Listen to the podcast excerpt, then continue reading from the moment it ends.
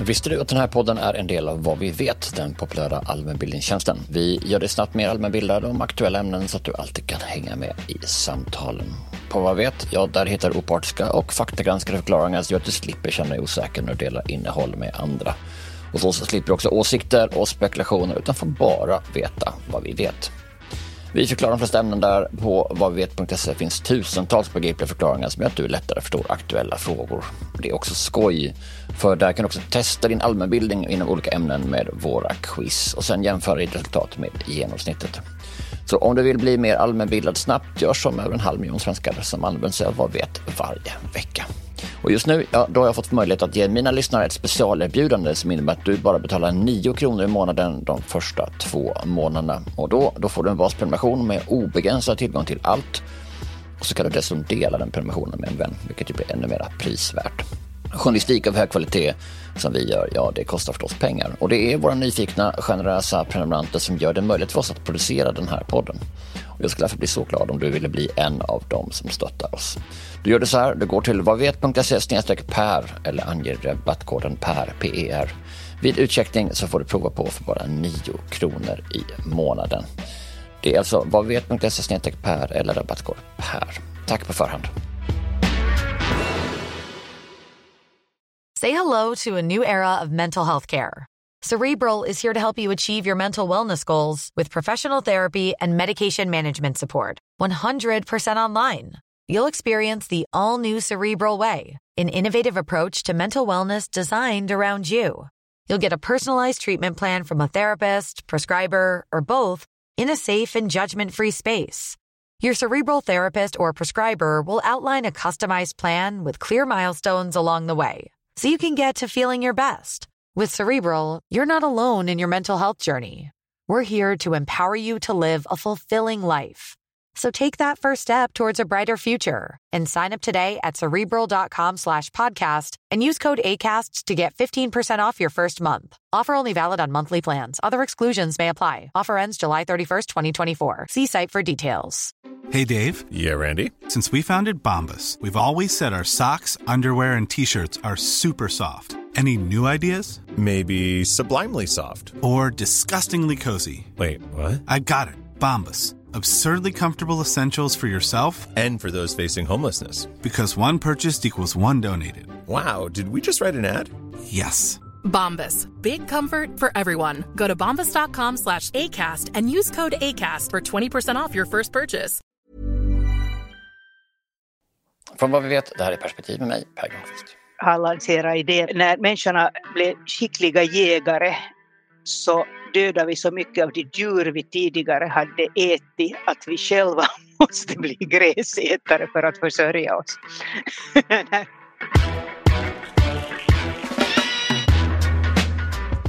Redan i slutet av juli är rågen mogen som ett av de första sädesslagen att bli det. Det beror på att fröna petas ner i jorden redan förra hösten och därmed ligger i startblocken när solen smält snön och därmed är den färdig före många andra. Det här är förstås en beskrivning hur det ser ut i norra Sverige där förekomsten av fält med det kavata sädesslaget är frekvent eftersom det kontinentala och lite mer trötta vetet inte trivs i de här låga temperaturerna utan bara myser när det är varmt och skönt. Men det här är också framförallt en beskrivning av Finland och Finlands nationalsymbol. För finnarna älskar sin råg och rågen tycks också älska Finland.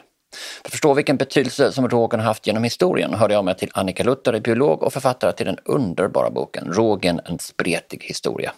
Det blev ett samtal fullt av nya insikter. Från rågens historia som turkiskt ogräs till överälskad, vilket orsakade hungerkatastrof faktiskt.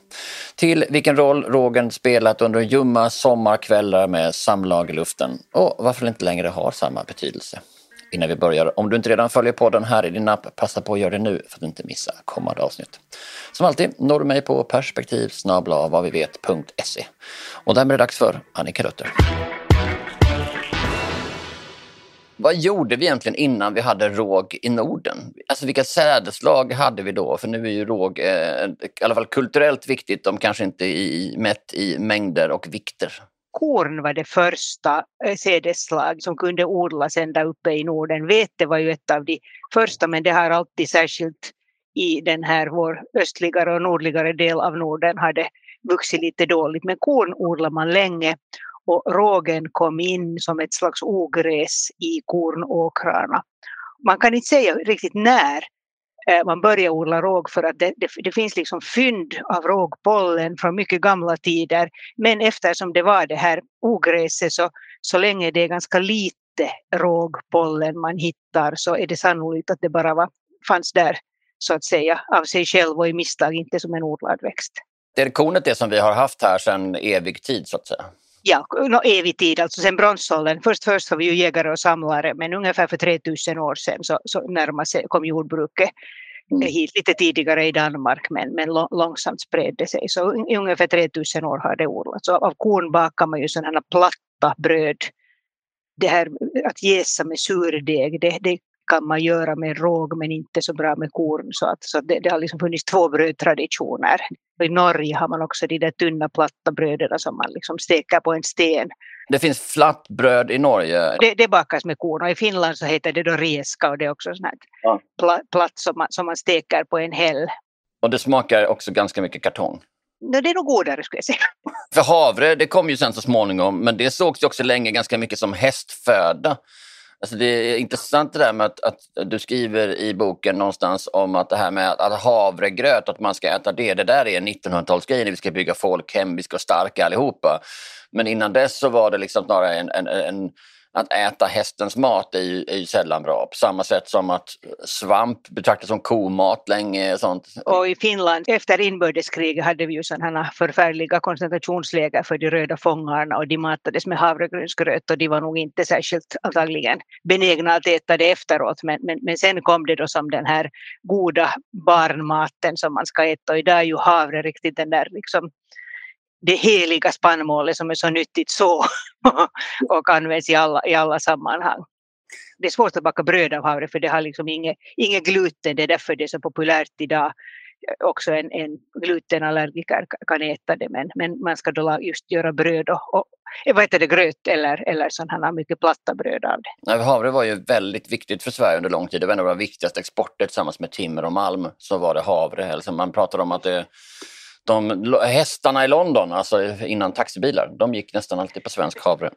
Det är intressant när man tittar och, och liksom försöker följa rottrådarna bakåt. Du beskriver det väldigt fint tycker jag. Att, och det som jag aldrig hade tänkt på och därför inte förstått var att det egentligen är tre sorters gräs som försörjer mänskligheten. Vilka är de tre gräsen? Det är vete, ris och majs. Och ris är ju den här östliga jordbruket uppstod samtidigt ungefär för 10 000 år sedan lite mera både i Kina och i den så kallade fertila halvmånen, det som vi känner till. Därifrån kom vete och sen majsen i, i Centralamerika. Och, och de här tre som kännetecknar de här stora, stora korn som är lätta att samla, ger mycket mat. Så, så de är då sen har blivit basen för det hela det moderna jordbruket som ju är en affär för några få stora företag som, som odlar det eller som försäljer det i enorma mängder. Men om vi tittar om tidiga, den tidiga sortens växtodling, för naturligt så, oh, så växer liksom ett, ett gräs eller, eller då ett, ett, ett sädslag, det mognar ju inte samtidigt. Nej, det är ju dess, dess liksom liv, livförsäkring. Om du tänker dig att du är ett gräs och du har en massa korn eller frö, det är ju fröna som det ska bli nya små gräs. Och om alla mognar samtidigt och faller ner så det behövs det bara att det råkar gå förbi ett hungrigt djur så är de alla döda. Men om de, om de äldsta mognar ger sig iväg så att säga, det är som när man har många barn, de äldsta flyttar hemifrån först och sen om de klarar sig så kan de yngre också komma. Så, så det här är liksom en, en, en det naturliga hur det ska vara och det ser man till på alla blommor att det är ofta så att, de, att, att liksom en, en lupin till exempel, så, så de understa blommor. Först blommar de under, så blommar de mer och mer och mer högre upp. Och så fanns det då en, en, så finns det en mutation som gör att det här perfekta mekanismen omintetgörs och alla frön mognar samtidigt. Och något eh, kloka tidiga jordbrukare lade märke till att vissa av de här fröna som man samlade in från vilda gräs, att man fick hela axeln med på en gång och det var betydligt lättare. Och sen tog man och började odla av dem och den här, eftersom det var ärftlig så, så höll det sig kvar och idag har alla, är alla våra sädesslag sådana. Om vi ska prata om råget, när och varifrån uppstår råg? Råg är ett vilt sädesslag som växer. Jag var nyligen själv i Palestina och jag blev helt tagen för att överallt var jag gick de skrattade åt mig för jag, jag stod med min lilla telefon och foto, fotograferade vägrenar för överallt växte det olika vilda former av råg och jag förstod det här med den fertila halvmånen. Vi har ju också en massa gräs men våra gräs har i allmänhet jättesmå frön. Men här stod det så det såg ut som, som liksom vild sed och många av dem liknar faktiskt råg och massor av varianter. Och det var då det här som, som liksom fanns just där och som, som var en orsak till att man där började odla, ta tillvara just det här. Mm. Och, och Centralasien, Mellanöstern, där, därifrån kommer rågen och där har den sen då, därifrån har den spritt sig med människan. Är det någon som tar med sig i fickan eller följer det med liksom i skorna?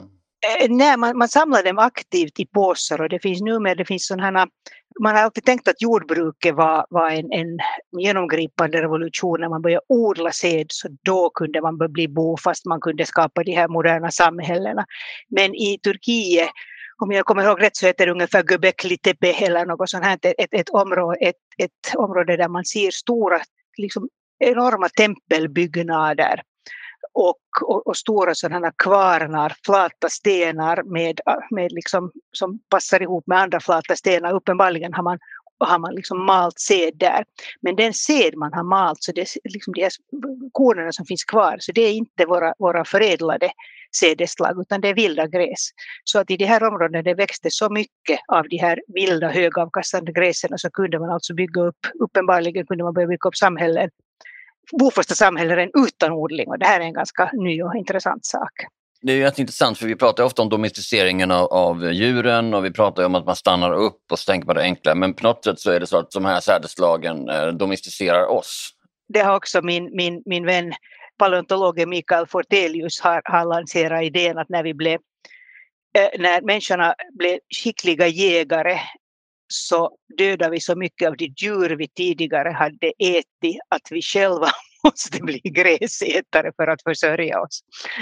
när, när, vi inte mera, när jaktbyte inte räckte till och, och de djuren som åt gräs så måste vi börja äta deras mat. Jag är alltid väldigt svag för den här typen av teorier som inte bygger på att det är liksom ett gäng rätt smarta eh, män, för det är alltid så, som det kommer bara nu ska vi minsann hit. Det är liksom det där är en av mänsklighetens liksom, villfarelser som har följt oss från liksom, förhistorisk tid till Powerpoint. Så att nu gör vi en plan och det här har vi tänkt från början.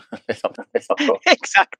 Hela mitt liv har jag aldrig, om, om jag någon gång i misstag har gjort en plan har den aldrig, aldrig slagit igen och allt har, allt har varit ganska slumpmässigt. Så att jag tror att mänskligheten kanske har levt lite på samma sätt. Och när, och när hamnar vi sen i, i Skandinavien? Råget uh, gör människan till sin bärare? Det, när det vandrar in människor med, som, som har metallteknik. Ända, ända fram tills dess lever vi på sten, lever vi stenåldersliv som mer, mer eller mindre jägare och samlare. Och här i Norden var vi ju mycket faktiskt jägare, sel och älg och ren och sånt här.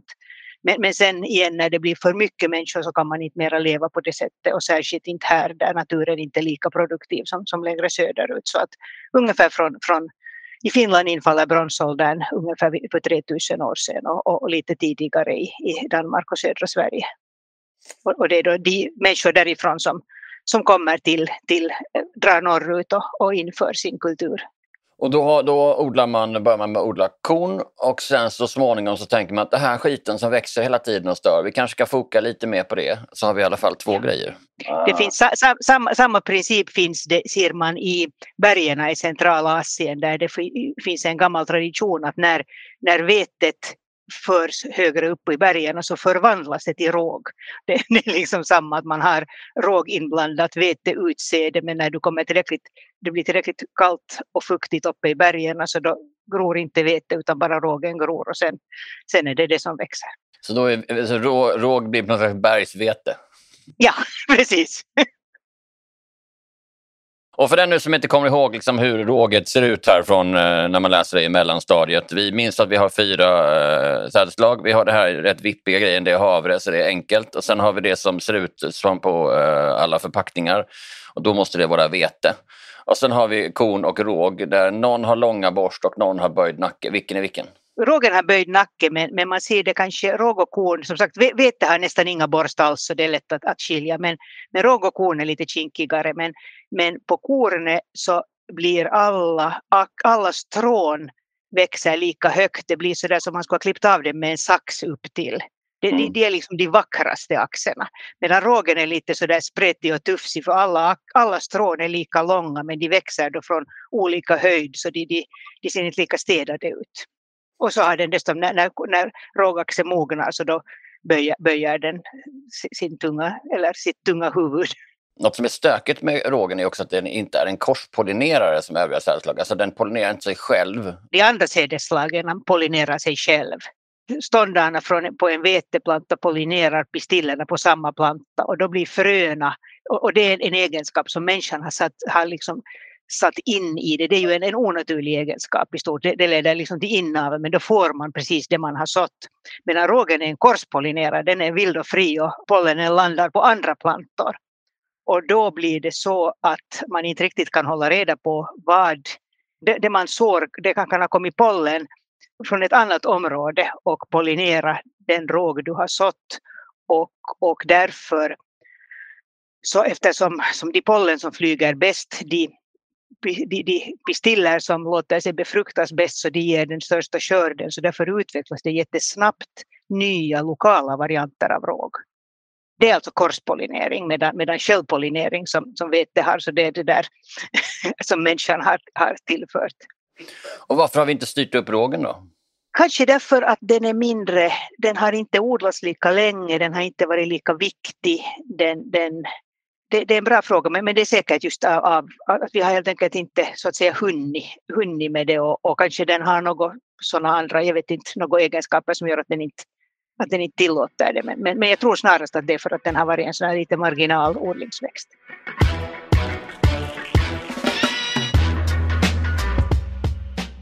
Ta 1800-talet, då har ju rågen etablerat sig och vi har, kan till och med se att rågen har, som man har övergått från korn till råg um, för att det ger bättre avkastning. Va?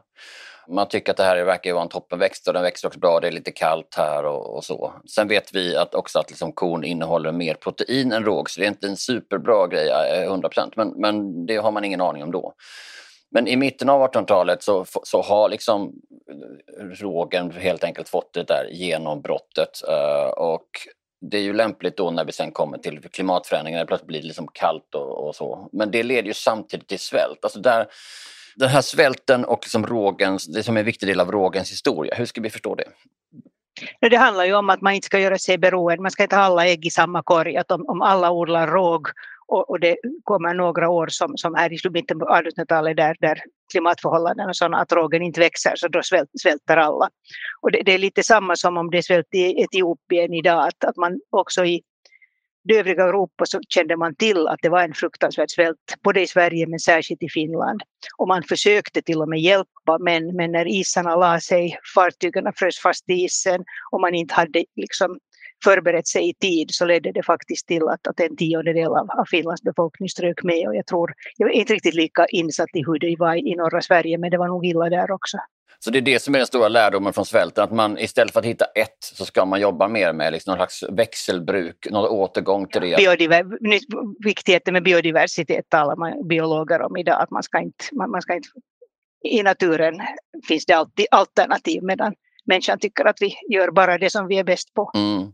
Jag hittade en passage i Utvandrarna som beskriver de här nödåren på 1800-talet och de hade ju kommit såklart innan. Eh, jag tror att Utvandrare är väl så att den, Vilhelm Moberg har bestämt att det är cirka 1840 50 någonting. Liksom. Det är helt enkelt tidigare än den stora utflyttningsvågen för de var bland de första. Och han skriver ju det här påhittade långt efteråt så han kan bestämma själv. Då skriver han någonting om att Kristina bakade nödbröd.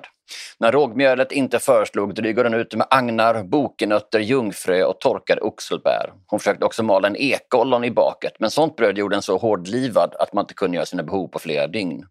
Men hon kokade en ätbar välling på kärnor av hasselnöt att istället för den rena rågmjölsvällingen så fick de vara utan den i vinter. Med nödfödan var det dock ingen riktig välsignelse. Frö, nötter och annat som samlas på marknaden fyllde väl buken men det gav ingen varaktig mättnad. Man gick från bordet för att måltiden var slut, inte för att man var mätt. Och hur de än drygade ut födan skulle bingar och mattider vara tömda innan nästa gröda stod mogen. Men det är också intressant att nu tänka att men har ni hasselnötter i mängder, in med det, det är ju fett och proteiner. Det, det finns någonting här som, som, som vittnar om att man inte riktigt vet vad man ska använda maten till. En ätbar välling på kärnor av hasselnöt, menar, det låter ungefär som Nutella, det låter ju toppen. Nutella har förstås en massa socker socker också i sig. Men det som, som jag själv lärde mig just med när jag skrev den här boken, som jag aldrig hade insett var att det var ju den här underbara midsommar, försommaren, midsommartiden, när vi tycker att nu är det sommar, nu är allt, som var den allra värsta tiden. För då var alla förråd var slut, man skrapade i botten på bingarna och det, man hade ing, man, barnen gick och tuggade i sig gräs för att ens få någonting. Att, att det här med liksom självförsörjning fungera så länge det fanns en, så, så länge befolkningen var, var liten. Men sen när befolkningen växte så, så räckte det helt enkelt inte till. Idag importerar vi ju det mesta vi, vi äter. Men... Det här lärde jag mig faktiskt häromdagen när min, min kollega eh, Peppe Emma gjorde i podden Vad vi vet idag. Så det här var runt midsommartiden som hon eh, intervjuade. Eh, och eh, en expert på Nordiska museet som sa det här med ny potatis eller färskpotatis det är ju helt sinnessjukt att äta upp liten potatis när den snart ska bli stor. Och jordgubbar ja. finns ju inte och lax kan man ju inte göra för det är ju slut. Våra grann, grannar här i Bromar, så ännu när, när min man var liten så var de mycket, mycket arga när, när de ville de här stadsborna kom och ville köpa deras nypotatis för, för de tyckte att, just som du sa, att det var ett sinnessjukt slöseri. Man skulle vänta tills de var så här stora, först i augusti fick, fick man dem sen det är intressant att ges perspektiv på det. Vi tror det är uråldrigt, i själva verket är förvånansvärt eh, modernt. Men en, en av de nackdelarna med rågen är det som jag tror, det finns eh, olika såna, mm, vad heter det, svampsjukdomar på dem. Jag tror att du skriver någonstans, du kallar det för rågens syfilis eller något i den stilen. Jo, det, det är en, en, svamp som heter, som heter Claviceps purpurea, det vill säga mjöldryga. Och mjöldryga hör man ju redan vad det handlar om. Den, den, den, den eh, infekterar axeln och gör, gör dem större. De ser ut som svarta huggtänder. På finska heter den torajyve som betyder huggtandskorn.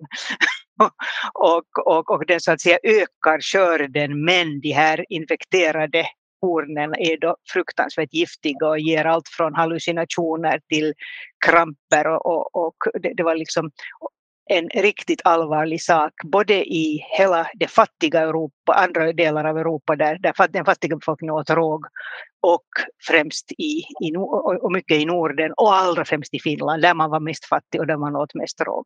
Och särskilt i de områden där det var lite för fuktigt, sydöstra Finland var riktigt, riktigt det, det värsta där till och med i vissa socknar hälften av all, hela rågskörden kunde bestå av sådana mjöldrygekorn. Det måste ha varit en liksom skillnad att vissa var giftigare än andra för om alla skulle varit så fruktansvärt giftiga så skulle hela befolkningen ha dött men, men, men, det, men det var sådana epidemier när en stor del av befolkningen jämrade sig eller konvulserade. Och i relation till de här eh, hungeråren på 1800-talet, när får vi de här problemen? det har nog funnits hela tiden. Det, det, det, var liksom, men men jag, har, jag har läst en, en doktorsavhandling av en distriktsläkare som heter Spov som, som riktigt beskriver det här. Men, men den här mjöldrygan, de här ämnena, till exempel ett ämne som heter ergotamin som än idag används eh, dels som migränmedicin, för migrän handlar ju om blodkärl som jag tror att, att ett migränanfall betyder att när blodkärlen utvidgar sig så det här drar ihop blodkärlen. Och det kan då leda till en förgiftning när du får svarta händer och fötter. Alltså inte av, mjöld, inte, inte av migränmedicin, men om du äter mycket mjöldryga. Eh, men, men det, det användes både för, eh, för att hindra blödningar efter förlossningar och också för att framkalla abort. Så att, och dessutom så är det då ett, eller det är ett besläktat ämne som, som så kallad lysergsyra som, som blir LSD. Så att det finns, det är ett mycket kemiskt oerhört intressant svamp. Så, sa hon på forskarvis. Uh, men det, det låter ju fruktansvärt alltihop. Man har hela tiden kämpat med de här problemen och då är vi framme egentligen när vi börjar med en riktig växtodling. Det är dels för att man vill bli av med den här skiten och dels så vill man se till att vi inte hamnar i, i, i svält igen. Vi vill börja förädla. Uh, det är då vi stöter på vår um, ryske vän, rågentusiasten Vasilov. Nikolaj Vladimirovich Vavilov. Han, han är inte bara en entusiast utan han är faktiskt en av världens allra största botaniker, botanister och, och, och genetiker. Han, han, kom från en, en borgerlig familj men hade själv släktingar som hade råkat ut för svält så han visste vad det, liksom, hur, hur, hur svält ser ut och känns. Och hans stora mål var att förbättra sor, sorter av odlade spannmål. Och av den anledningen så reste han just i Centralasien i sin ungdom, gjorde många och långa resor där han samlade in delvis råg, eller mycket råg men, men också andra spannmål från en massa olika områden. Och hans teori var att det, de områden där han hittade de flesta varianterna, det var liksom de här sädesslagens urhem. Och där skulle man söka för att hitta varianter som man sen kunde kunde ta med sig hem och använda för att korsa in bättre egenskaper i, i de sädesslag man använde. När i tiden är vi? Eh, I slutet av 1800-talet, början 1900, just vid, ungefär vid tiden för ryska revolutionen var han ute på sina resor, lite före 1912 och, och sen under den.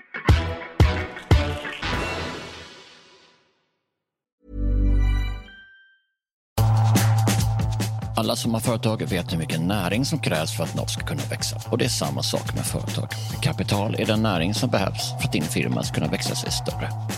Almi ger näring till svenska företag genom att erbjuda finansiering i form av lån, riskkapital och affärsutveckling till små och medelstora företag. Och det är just kombinationen som är det viktiga, både pengar och råd. Och som gör att Almi skiljer sig från bankerna. Så om du behöver näring, hör av dig till Almi. De finns över hela Sverige och har kloka rådgivare nära dig som både förstår din bransch och din region. Gå in på almi.se ta steget för att läsa mer. Almi.se ta steget alltså.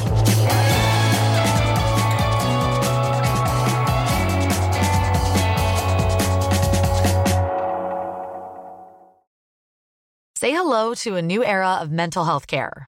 Cerebral is here to help you achieve your mental wellness goals with professional therapy and medication management support. 100% online. You'll experience the all new Cerebral Way, an innovative approach to mental wellness designed around you.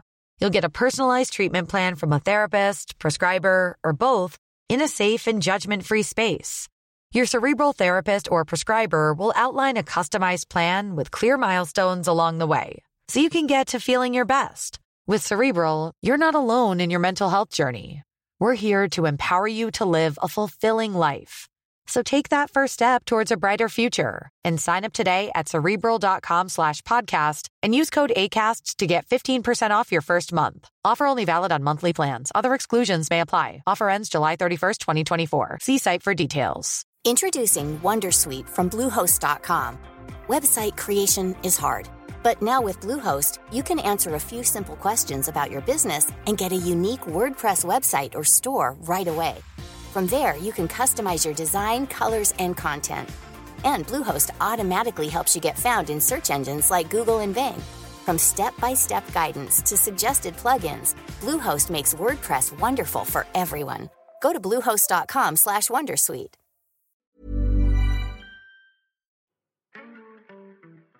Det är ju också, rågen tycker jag också är intressant för att den har ju en, en, en väldigt som, kulturell växt. Vi pratar om kulturväxter, det här måste ju verkligen vara en sån. Liksom. Eh, I kulturen omskrivs den ofta, den är omsjungen, den är avbildad tusenfalt. Din bok är full av liksom litterära referenser och en av dem jag fastnade mest för är Jarl Hemmings långa dikt Byn som ger en bild av sommaren och bultande tonårshjärtan i ett landskap som i sin helhet vikts för matproduktion. Jag ska bara läsa några stycken ur den där för jag tycker den, den säger någonting. Ack sommartid vad god du är mot alla med häggens väna blomningstid vid ån och lärkorna och juniljusets tider var ännu ej de ungas tid i byn. Den kom först senare med ljumma kvällar och fälten böljande av höga ax. Ty det fanns ingen skog på hela slätten att gömma vandringar och älskog i och flitigt smorda gångjärn hjälpte föga när inget vintermörker dolde smyget. Men rågar fanns det, gömmande och höga, de tvenne sköna månader tänkte skydd. Och så fortsätter den där liksom. Alltså det är i allmänhet en ganska liksom eh, knullig stämning i luften här och det visar och, hur... råge var ju speciellt för den kan växa sig två meter hög. Så det, man kunde verkligen gömma sig i den. Idag behandlas nästan all sed med stråförstärkare och förkortare så att idag når den bara till om den inte är en ekologiskt odlad råg så når den ungefär till knäna så det, där, där skulle det vara lite svårare att, att gömma sin kärlek. Det var en av de observationer jag gjorde. Eh, att liksom undrar, för när jag tänker på rågen så tänker jag nog på den som kortare. Eh, inte för att jag är uppvuxen med den då, men de få gånger jag har sett den. Men då, då har du liksom förklarat det. Men rågen har ju en särställning i, i, i liksom nordisk kultur och särskilt i Finlands historia och, och folkliv. Varför är den så viktig i Finland? No, jag menar om, om, alla, om den födde befolkningen så förklarar det ju redan det. Men, men just jag tänkte det här när du talar om, om om, om just det här att den är så hög att halmen är ju någonting, vi tänker idag är halm någonting man kanske sätter under hästarna men, men halmen kunde vara nästan lika viktig. Idag tycker vi att det, man, man, för, man förkortar de här, de här sädeslagen för att det inte ska sätta så mycket energi på att göra strån och det inte ska slås ner så lätt när det regnar men vi använde så att säga naturprodukter så behövde vi också det här själva råvaran. Men, men varför rågen just i Finland blev så viktig, det är svårt att, att säga. Det är intressant att du säger det, för den är både mat och ja. värme och den är tak. Vi har liksom här, om vi hade vasst tak i, i södra Sverige så är det råg man har på taken. Ja. Eh, eller vi hade halm kan man också prata om, men det är alltså ja. råg man har. Så man förstår att den används på väldigt många sätt och då får den ju också en annan betydelse. Den, den blir vänlig av naturen på något sätt, den tar hand om oss. Och, och, sen, och sen just det här med som vi talade om, den här korspollineringen, att det var liksom, dels var det svedjebruket förstås i Finland. Finland var, var jätte um, glest befolkat så man sysslar med svedjebruk mycket längre än, än, än någon annanstans i Europa, i Europa här. Och tack vare svedjebruket så kunde också en, en, en fattig pojke på landet som inte hade inga, inga pengar och ingen, ingen mark så han kunde dra ut i skogen och, och, och svedja och skapa sig ett eget jordbruk utan att behöva göra dagsverken åt några herrar och utan att behöva, liksom det, det var, det var en, en, en råvara som, som stod i princip fritt för vem som helst att ta åt sig. Och därför blev den sen så, så hatad av överheten när järnbruken kom igång och sågindustrin och då ville man inte liksom låta befolkningen bränna skogarna för eget bruk utan det skulle till staten om man skulle bygga upp, upp den blivande industrin. Så den har alltid på något sätt varit en följeslagare i den ekonomiska och kulturella historien och man har hatat den och man har älskat den och den har varit om, omhuldad och omfamnande. Men det har ju också förblivit så under lång tid. Är det för att det här redan fanns någonstans i mellankrigstid, förkrigstid, efterkrigstid? För det är då mycket av det nationella narrativet sker. Det vi kan se eh, generellt sett nu är att ingen utvecklar ett nytt nationellt narrativ såvida inte man heter Putin och försöker väldigt mycket. Finland var ju det land i, liksom Europa som, som urbani, åtminstone i, i det idag välbärgade Europa som urbaniserades sist. Och den här ännu efter kriget när den stora karelarbefolkningen skulle bosättas, den här så kallade kolonisationen, så gav man små små jordbruk åt de här människorna som, som skulle få nya hem och, och de, satte, de försökte röja upp åkrar åt sig och odla, odla råg där och det var ju sen de som också samtidigt var de, de första som, som när det ändå inte gick, man kunde inte överleva på småbruk längre på 60-talet. Det var då man började den stora emigrationen till Sverige en annan sak som gäller just råg och finnar och svenskar, att finnar har ju tidigare också under 1600-talet redan flyttat i ganska stora mängder till Sverige. Och, ena, och då var det just de var liksom, de finnskogarna i Värmland till exempel och de tog med sig sin, sin råg och de tog med sig sina odlingsmetoder och de tog bland annat med sig den så kallade rian, ett sådant här torkhus som i princip är samma sak som en bastu som de också tog med sig. Men ingen av de här som har förknippat med finnar är egentligen några finska uppfinningar utan det är sådana allmänna östliga uppfinningar som finnarna sen har plockat upp. Men den fantastiska rian som gav ett, ett, ett, ett som gav korn som torkar bra, som inte möglar, som höll, som bevarar sin grobarhet. Så den ville svenskarna av någon anledning aldrig ta åt sig trots att man försökte. Och därför klarade sig de här finnarna i Sverige mycket längre på rågodling för de var de som kunde det. Vad tror vi om rågen framåt? Är rågen på tillbakamarsch? Jag tycker jag ser rågen med och jag menar att du har släppt en hel bok om det innebär klart att du är part i målet i någon mån. Eh, nej, jag tror att just den här, framförallt den här, den här liksom allmänna som jag ser den överdrivna rädslan för, för gluten och det har liksom blivit lite så att vete har blivit en sån där någonting dåligt bara i sig och det är det ju inte fullkornsvete, är en jättebra mat. Men då har de här andra sädesslagen lite kommit, kommit på tapeten och, och då först havren men, men nu, nu också rågen, man, man liksom tittar vad det finns för, för alternativ. Och råg har faktiskt jättemånga olika goda egenskaper. För det första så använder man nästan bara fullkornsråg, liksom rågmjöl, åtminstone i Finland, är alltid fullkornsråg. Det finns också så här siktråg och jag tror att i, i Sverige använder man kanske mera lite ljusare rågsorter och då blir det mera som, som vetebröd. Men, men i Finland så är, är rågmjöl faktiskt ett oerhört nyttigt livsmedel med alla de här skalets goda egenskaper i sig. Och, och sen just det här med, med sur, surdeg som är så oändligt fascinerande för att en, en surdeg är ju liksom ett ekosystem. Det, där finns mjölksyrebakterier och det finns olika gästsvampar och, och de här ändrar sig enligt förhållanden. Så att jag har själv, som jag skriver i boken, en, jag fick i present en, en surdeg som sades vara stulen från ett anrikt bageri i Helsingfors, Ekbergs bageri och att den surdegen är 160 år gammal. Men nu har jag bakat med den i sådär sju år och jag har haft den i en liten frysask i mitt kylskåp och förhållandena där är säkert annorlunda än i det här bageriet. Så att jag tror att, att man kan känna det på doften till en, en, en en surdeg som innehåller mycket mjölksyrebakterier luktar lite sådär som, som, som yoghurt eller, eller surmjölk medan min luktar mera sådär åt etiksyrehållet så att den, den har levt ett hårdare liv för jag har inte skött om den så bra som, som folk gör men den fungerar i alla fall. Det är också någon slags växtförädling. Under liksom hungersnöden så var det ju liksom klimatförändringar som gjorde att det var kallare och det, gjorde ju, det var ju dåligt för alla. Samtidigt så är rågen mer resistent för kallare eh, klimat. Nu får vi ju varmare och både norra Sverige och Finland har det ju liksom väldigt mycket varmare. Alltså det, här, det är väl upp med ett par grader va, tror jag. Alltså klimat, Parismålet är ju för länge sedan passerat. Vad kommer det göra med rågen? Innebär det att liksom Finland kommer bli ett veteland? Det, det är en dålig sak för, för rågen därför att man sår den huvudsakligen på hösten så ska den övervintra under ett snötäcke. Om det inte kommer snö eller om det smälter emellan och det isar sig så då växer den dåligt. Så det kan nog hända att Finland blir ett ett veteland om, om ett antal år om det går riktigt illa.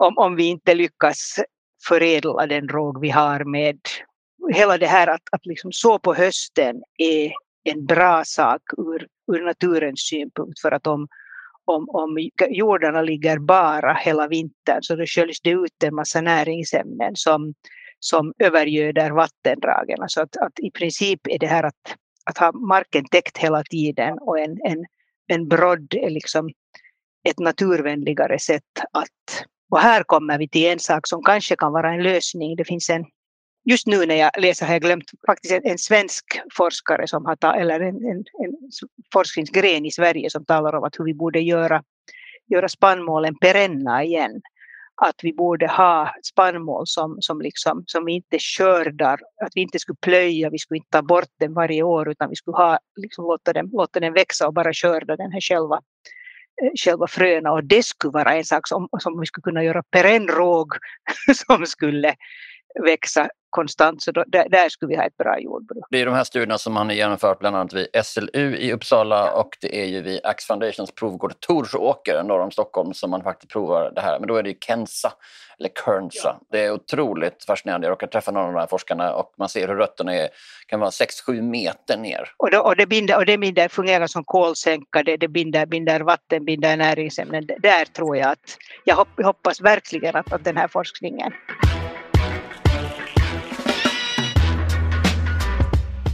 Avslutningsvis, eh, tre eh, böcker som eh, inspirerat eller gett perspektiv på det här området. Först vill jag slå ett slag för en klassiker, Karl August Tavastjärnas Hårda tider. Han var en, en, en, författare i Finland som skrev, som i sin barndom upplevde de här svältåren. Och den här, den, den är liksom en, en otroligt samhällskritisk bok. Det var det roliga att min finska översättare när han såg det citat jag hade tagit ur den här boken så skulle han söka, så letade han upp det på finska för den var förstås översatt och så märkte han att de hårdaste, ord, de hårdaste orden i hårda tider så hade man censurerat bort i den finska versionen när man översatte i början av 1900-talet. Den delen är nu översatt på nytt för den här boken. Så Karl August Tavastjärnas orden. Då är man väldigt kritisk. Ja. ja. Den andra är då den här Nikolaj Vavilovs Eh, bok som heter Five Continents. Den, den skrevs förstås på ryska under Stalintiden så gömde hans trogna stenograf det här manuskriptet och hon skrev ut det och, och också publicerades den i Sovjetunionen 1961 men översattes till engelska först 1991. Man hittar den på nätet och den är en fascinerande berättelse om där man får se ett Afghanistan som är annorlunda än, än vad vi tänker på Afghanistan idag till exempel. Och den tredje boken som jag verkligen älskar är skriven av Jens Nordqvist. Den kom ut alldeles för några år sedan. Den heter Den stora fröstölden, svält, plundring och mord i växtförädlingens århundrade. Och den rekommenderar jag verkligen varmt. Här finns bland annat har han, och just, han skriver också om, om Vavilov, om, om hur nazisterna försökte komma åt, åt de här Vavilovs fantastiska världskollektion med dyrbara fröer och mycket annat. Så att läs gärna, gärna den. Avslutningsvis inser att jag glömt en fråga. Den handlar om så här i slutet av juli, början av augusti så mognar rågen. Varför mognar den nu? Varför mognar den så tidigt? Är det för att just den är anpassad efter den här korta säsongen? Ja, om, eftersom man, man sår den på hösten, gror den tidigare och då sätter den frö också tidigare och det har ju varit totalt nödvändigt i Norden med korta somrar där frosten kan komma redan i augusti. Underbart, tack för det.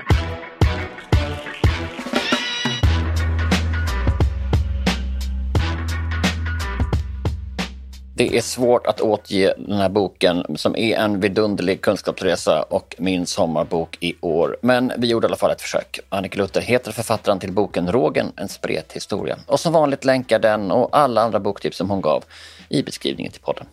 Om du gillar vad du hört så tycker du ska passa på att ge Perspektiv fem stjärna betyg via Apple Podcast eller Spotify. Det hjälper ännu fler att hitta podden. Förresten, vet du vem av dina vänner skulle gilla dagens avsnitt mest? Vem älskar rågbröd mest? Dela då det här avsnittet med hjälp av dela-knappen i din app för att skicka till dem. Och dela sociala medier, använd hashtaggen perspektivpodden. Producent idag var Jens Back, mixning Stray Dog Studios och jag heter Per Granqvist. Nästa gång återkommer vi med ett perspektiv på ett annat ämne som också är aktuellt. Vi hörs då.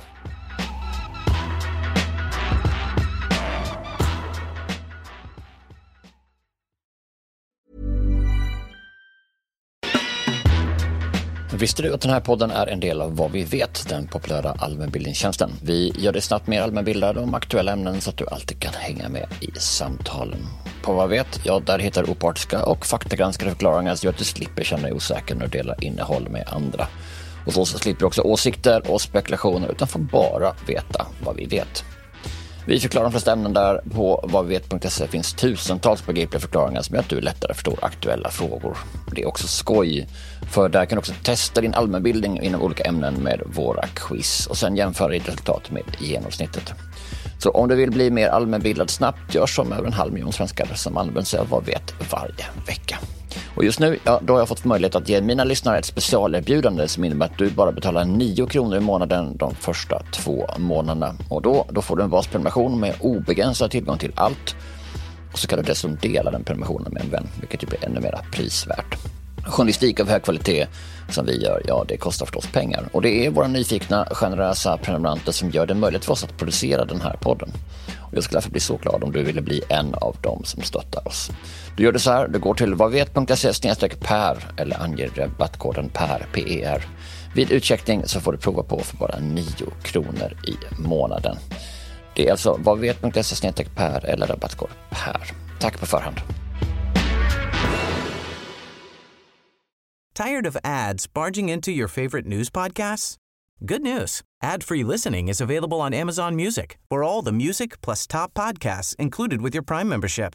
Stay up to date on everything newsworthy by downloading the Amazon Music app for free or go to amazon.com slash news ad free. That's amazon.com slash news ad free to catch up on the latest episodes without the ads. As humans, we're naturally driven by the search for better. But when it comes to hiring, the best way to search for a candidate isn't to search at all. Don't search, match with Indeed. When I was looking to hire someone, it was so slow and overwhelming. I wish I had used Indeed. If you need to hire, you need Indeed. Indeed is your matching and hiring platform with over 350 million global monthly visitors, according to Indeed data, and a matching engine that helps you find quality candidates fast. Ditch the busy work. Use Indeed for scheduling, screening, and messaging so you can connect with candidates faster. And Indeed doesn't just help you hire faster. 93% of employers agree Indeed delivers the highest quality matches compared to other job sites, according to a recent Indeed survey. And listeners of this show will get a $75 sponsored job credit to get your jobs more visibility at Indeed.com slash podcast. That's Indeed.com slash podcast. Terms and conditions apply.